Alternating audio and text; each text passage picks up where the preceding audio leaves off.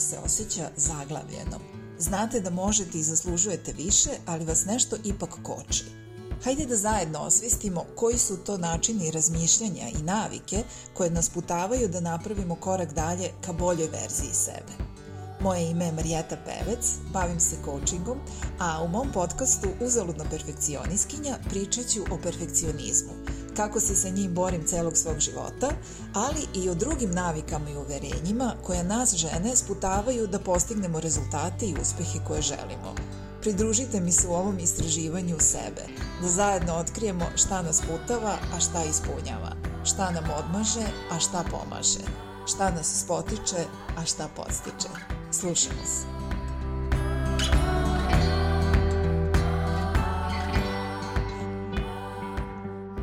Želim da iko pomisli da ga iskorišćavam.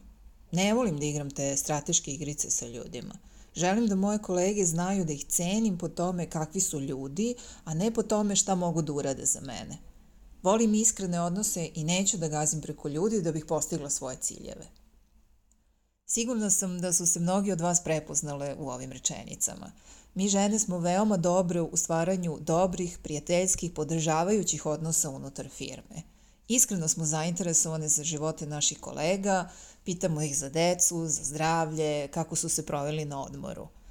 Kada nam se učini da su neraspoloženi, pitamo ih kako su i tu smo za razgovor ili bilo kakvu pomoć. Prosto, stalo nam je da se svi oko nas osjećaju dobro. Dok se mi trudimo da stvorimo iskrene, bliske odnose sa ljudima sa kojima radimo i gnušamo se same pomisli da ta prijateljstva iskoristimo za sobstveni napredak u karijeri, muškarci od prvog dana na poslu grade strateška poznanstva. Ko bi mogao da mi bude od koristi i kako? Šta bih ja mogao da učinim ovoj osobi ili doprinesem njenoj karijeri tako da se i ona meni danas sutra nađe kad zatreba – Muškarcima je jasno da šta znaš je manje važno od toga koga znaš. I tu ne mislim na završavanje sve preko veze, na nepotizam ili kronizam. Ne mislim na zloupotrebu položaja, već na stvaranje strateških saveza sa kolegama gde je manje važno koliko smo bliski, već da li ja u ključnim momentima mogu da računam na tebe. A mi žene se obično grozimo takvih stvari. A? Ne želimo da ljudi misle da ih iskorišćavamo, da se sa njima družimo samo zbog toga što bi mogli da nam budu korisni jednog dana. Ali zamislite sledeća dva pristupa. Pristup 1. Na poslu se trudim sa svima da budem u dobrim odnosima. Želim da moje kolege i koleginice imaju poverenje u mene i da znaju da uvek mogu da se oslone na mene. Nije mi teško bilo kome da pomognem, a da pritom ne očekujem ništa za uzvrat. Gnušam se pomisli da ta prijateljstva iskorišćavam za sobstveni napredak ili da tražim pomoć ili preporuku od njih. Pristup 2. Kad počnem negdje da radim, ja gledam ko bi mogao da mi bude od koristi i kako. Ko u firmi ima moć donošenja odluka, koga ljudi slušaju, ko ima reputaciju eksperta. To su ljudi kojima želim da se približim. Gledam šta bih ja mogao da učinim ovoj osobi, kako da je budem od koristi, tako da se i ona meni sutra nađe kad zatreba. Da se razumemo, nema ničeg lošeg ni u prvom ni u drugom pristupu, ali samo jedan pristup vodi do napretka na poslu. I muškarci to znaju i potpuno normalno i opušteno primenjuju ovaj pristup i niko se zbog toga ne ljuti – Za to vreme mi žene sedimo na našem moralnom pijadastalu i grozimo se iskorišćavanja ljudi, pružamo nesebičnu pomoć svakome koje zatraži, ali nema šanse da to isto zatražimo za sebe ili da to istoj osobi koje smo pomogli zatražimo preporuku.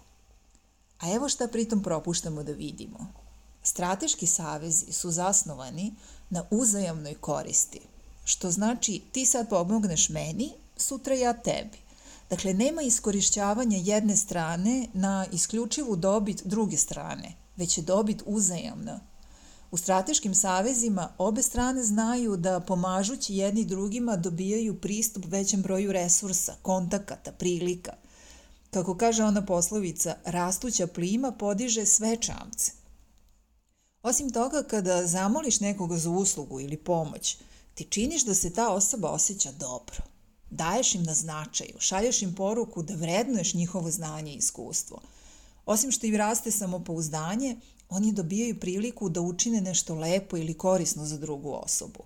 A većina ljudi jedva dočeka takvu priliku, jer se posle toga svako osjeća dobro. Dakle, to je win-win situacija, gde se obe strane na kraju razmene osjećaju kao da su nešto dobile. Ti si dobila informacije koje su ti bile potrebne, a druga strana je dobila osjećaj da je vredna i da je dobra osoba jer je pružila pomoć i podršku koleginici. Druga strana može loše da se osjeća samo ako stalno pruža pomoć drugima, a ne dobija ništa za uzvrat. Ali ti znaš da nisi takva osoba koja će nekoga isključivo da iskorišćava, već znaš da ćeš uvek pomoći kolegi kad je to potrebno, tako da nema razloga da se ustežeš da zatražiš pomoć ili savet. Pa zar to nije opis prijateljstva, zapitaćeš se. Pa može da bude, ali postoji jedna ključna razlika između saveza i prijateljstva. Kada biraš prijatelje, važno ti je da se ta osoba dopada kao čovek, da, dok za savez to nije neophodno. Za dobar savez je važnije kako jedno drugo možete da pomognete, da napredujete na poslu, a ne koliko se gotivite i da li volite da provodite vreme zajedno. Naravno, nije poenta ni da se ne podnosite. Ako nekoga u firmi baš izrazito ne voliš, onda nemoj ulaziti ni u saveze sa tom osobom. To može loše da se završi. Poenta je da osoba koju biraš za saveznika na poslu ne mora da ispunjava sve kriterijume koje ispunjavaju tvoji prijatelji. Dovoljno je da znaš da je ok osoba sa kojom može dobro da se sarađuje i da je u poziciji da može da ti pomogne.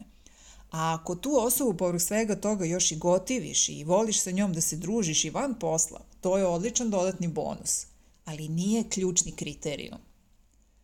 Ok, Ako smo sad razumeli i prihvatile da su nam saveznici neophodni u napredovanju u karijeri, kada treba da počnemo da ih tražimo?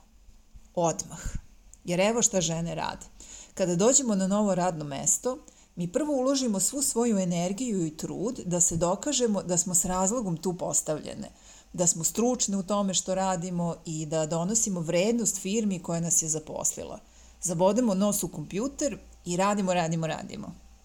Za razliku od nas, muškarci na novom radnom mestu se prvo zapitaju sa kim bi trebalo da se povežem da bih što uspešnije obavljao svoj posao.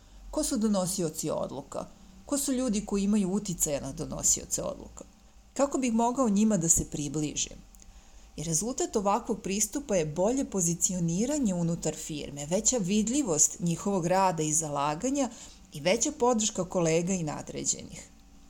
Sva globalna istraživanja pokazuju da su žene mnogo bolje od muškaraca u građanju dobrih međuljudskih odnosa, u pružanju podrške, aktivnom slušanju, podizanju morala, gajanju timskog duha, što su sve osobine koje krase uspešne lidere.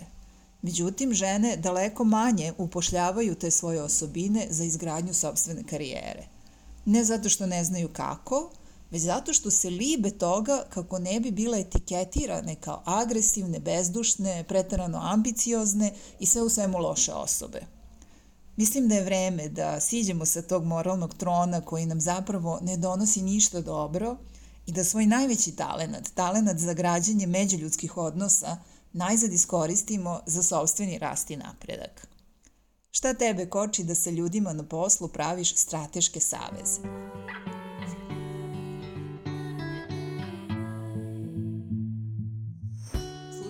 podcast Uzaludna perfekcioniskinja. Hvala vam što ste tu, što delite sa mnom svoje vreme, probleme i iskustvo i što imate radoznalost i volju da radite na sebi. Ovaj podcast možete pratiti na podcast platformama poput Spotify-a i Google podcasta, a svi linkovi su u opisu ove epizode. Ukoliko ne želite da propustite sledeću epizodu, možete me zapratiti na podcast platformi koju koristite. Pozdravljam vas do naredne epizode.